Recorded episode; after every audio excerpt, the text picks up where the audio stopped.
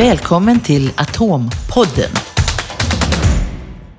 Atompodden handlar om kärnkraften och kärnkraftens arv. Från drift till slutförvar av det använda kärnbränslet. Det handlar om ansvar i tusentals år. Jag heter Katarina Malmer. Journalisten och författaren Åsa Moberg har länge följt det som har hänt och händer i kärnkraftens värld. I boken Ett extremt dyrt och livsfarligt sätt att värma vatten beskriver Åsa utvecklingen. Jag, jag har ju engagerat mig i det här ämnet sedan väldigt länge. Motvilligt från början, så här i slutet av 70-talet. Men, eh, så jag kan ju säga att nu har jag sett då i 50 år blir det väl snart hur, hur den här atomälskarna, alltså jag betraktar det som en religion för de har noll fakta på fötterna. De bara älskar kärnkraft av helt obegripliga skäl. Och skälen har alltid varit obegripliga men det har ju blivit tydligt, tydligare och tydligare genom åren. Och de är fortfarande lika obegripliga. Eh, men den här eh, kraftkällan skulle ju alltid rädda världen från någonting. Från början var det oljeberoendet som ju bara blev värre och värre fram, fram till för kanske fem år sedan eller när världen fattade att vi måste göra någonting åt koldioxidutsläppen. Men nu är det ju klimatet som ska räddas.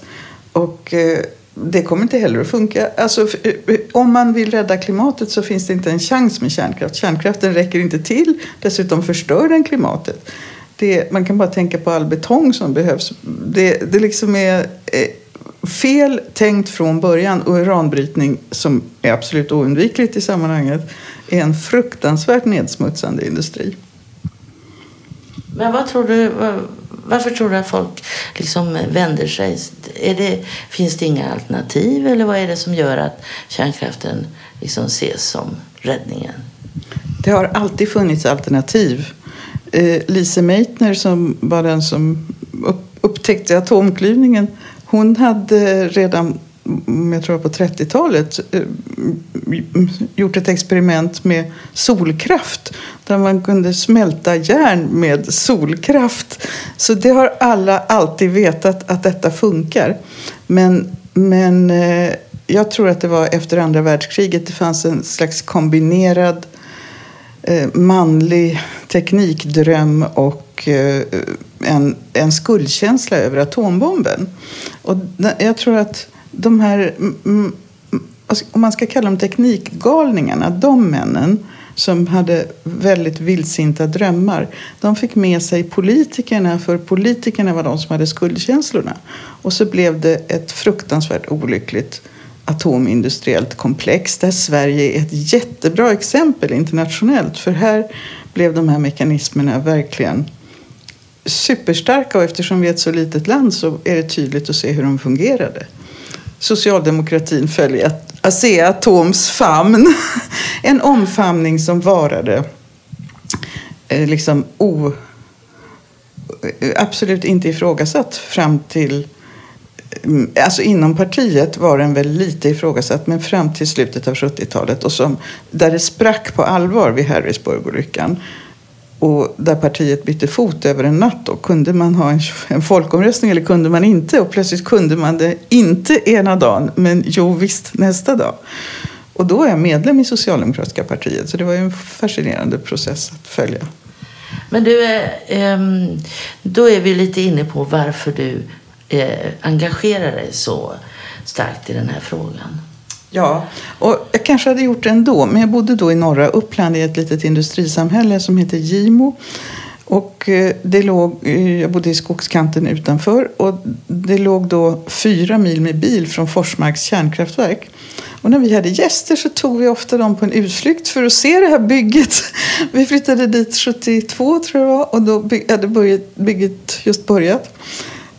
Och eh, det var ju helt fascinerande att se. Halva världen, halva Europa var ju, det var ju på den tiden när vi inte hade så mycket migrantarbetare. Men här var det eh, liksom folk från överallt som bodde i stora eh, husvagnsläger och bilar från hela världen och alla möjliga språk. Och, eh, och sandtransporter, grustransporter Alltså grustillgångarna i norra Uppland tog ju slut. det, var, det, det, det, var liksom, eh, alltså själva anläggningsarbetet var märkvärdigt tyckte jag. Och det var, det var många andra som tyckte också. Fyra mil lät som en väldigt betryggande, ett väldigt betryggande avstånd för att säkerhetsavståndet var två mil. Alltså det officiella och formella. Om det blev en olycka så skulle man evakuera fastigheter inom två mil, stod det i planerna. Och eh, då var det bara det att när Harrisburg inträffade 1979 så mätte vi för första gången på kartan. Och då bodde vi precis på tvåmilsgränsen. Och då... Ah. Men var du inte från början, från början var du inte bekymrad över säkerhet och så här, tyckte det var ett fascinerande bygge och så? Jag, jag, tror så här att jag ville inte bekymra mig för jag trivdes så himla bra. Jag, jag, kände så här, man måste liksom välja här. Antingen bor man kvar och då kan man inte hålla på att vara rädd hela tiden.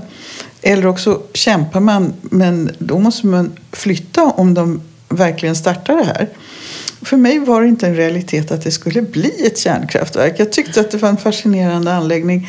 Men däremot så hade jag då en sambo som som jag levde med till hans död. Han, uh, han dog 88. Men han, han hette Tor Ivan Odulf. Han hade gjort militärtjänst vapenfri som fotograf på Civilförsvarsstyrelsens informationsavdelning. Han hade fotograferat Sveriges alla atomskyddsrum. Så han var nog den enda i min bekantskapskrets som visste vad som behövs för att skydda sig mot radioaktiv strålning. Han tog det här väldigt på allvar. Så han hade hela tiden sagt till mig om det blir, eh, om det blir ett kärnkraftverk då kan inte jag bo här. Och det, jag, tog inte, jag liksom tog inte det till mig. Dessutom hade jag ett annat vad ska jag säga, konstigt problem och det var att det fanns en otroligt duktig och aktiv kärnkraftsmotståndare som hette Eva Moberg eh, som var 15 år äldre än jag. Som var, hon skrev i Dagens Nyheter, i tidningen Vi, jag kommer inte ihåg i vilken mm. ordning, men, men hon hade ett väldigt genomslag i debatten. Och så fort jag sa något om kärnkraft så trodde folk att jag var hon. Så, så jag, jag kände bara, det här kommer ju inte att funka. Jag kan liksom inte, vi, vi skrev i övrigt också väldigt mycket om samma ämnen. Alltså, kvinnofrågor, miljöfrågor. Hon skrev mer om fred och mänskliga rättigheter än jag. Men vi, vi blev oerhört mycket för, förväxlade och inte så att någon av oss led av det. Men jag kände bara att, att vi båda två skulle vara liksom superengagerade i kärnkraftsfrågan. Det kommer inte att funka. Så jag, jag bara droppade den. Jag tänkte en, en människa kan inte engagera sig i allt. Det här får andra ta hand om. Och sen, och sen, men i och med Harrisburg så bara ändrades min känsla. Jag måste faktiskt ta, ta hand om, jag måste ta mig an den här frågan. Ja, det gjorde. Men den bok som du eh, har gett ut eh, om eh, kärnkraften, den kom ju så sent som 2014. Ja. Så att det var ju en lång period däremellan. Ja, och då, och då är det så att eh, när, när jag mm, ville skriva den boken, det var kanske 2009 eller så, och jag då var jag helt säker på att det stora förlaget Natur och kultur som jag hade då gett ut en bok om Florence Nightingale här, eh, och om en, en roman som hette Kärleken i Julia Anderssons liv och en bok som hette Väninnorna och jag om väninneskapet som företeelse. Och det, och det var sådana böcker som jag förstår att ett förlag kan vilja ge ut. Att det går att sälja, kanske inte, inte som deckare men i alla fall men en bok om kärnkraft. Ingen kommer ju vilja läsa den. Så jag mera informerade förlaget om att jag tänkte skriva den här men att de kunde slippa ge ut den. Jag kunde vända mig till något mindre förlag. Eller något udda förlag. Sådär. Och då sa, de bara, då sa Richard Herold väldigt bestämt nej den vill vi ge ut. Då blev jag verkligen förvånad kan jag säga. Och sen kan man ju säga att han fick sin belöning på så sätt att 2011, när jag var halvvägs in i det här skrivandet, så inträffade mm, Fukushima-katastrofen vid tsunamin i Japan. Ja. Så frågan fick ju då en slags förnyad aktualitet. Och det, men det dröjde ju till 2014 innan boken var klar. Så vi, men, men frågan har ju behållit någon, en viss aktualitet kan man ju säga. Men det konstiga med den här frågan är att 1980 då när vi hade folkomröstning i Sverige då, då blev ju svenskarna säkert det mest allmänbildade folk som någonsin har funnits när det kommer till energifrågor. Och det var lite, jag kan tänka att det var som Brexit, det politiska klimatet var som Brexit är i Storbritannien idag. Alltså familjer började spricka i två halvor. Eh, frun och barnen var kärnkraftsmotståndare och pappa, pappa var kärnkraftsälskare. Så var det i många familjer. Alltså nu, nu sa jag det väldigt grovt, men man kan säga att man ser den här könsklyftan och åldersklyftan väldigt tydligt än idag. Att eh, de partier som har majoritet manliga väljare, de talar mycket varmt för kärnkraft.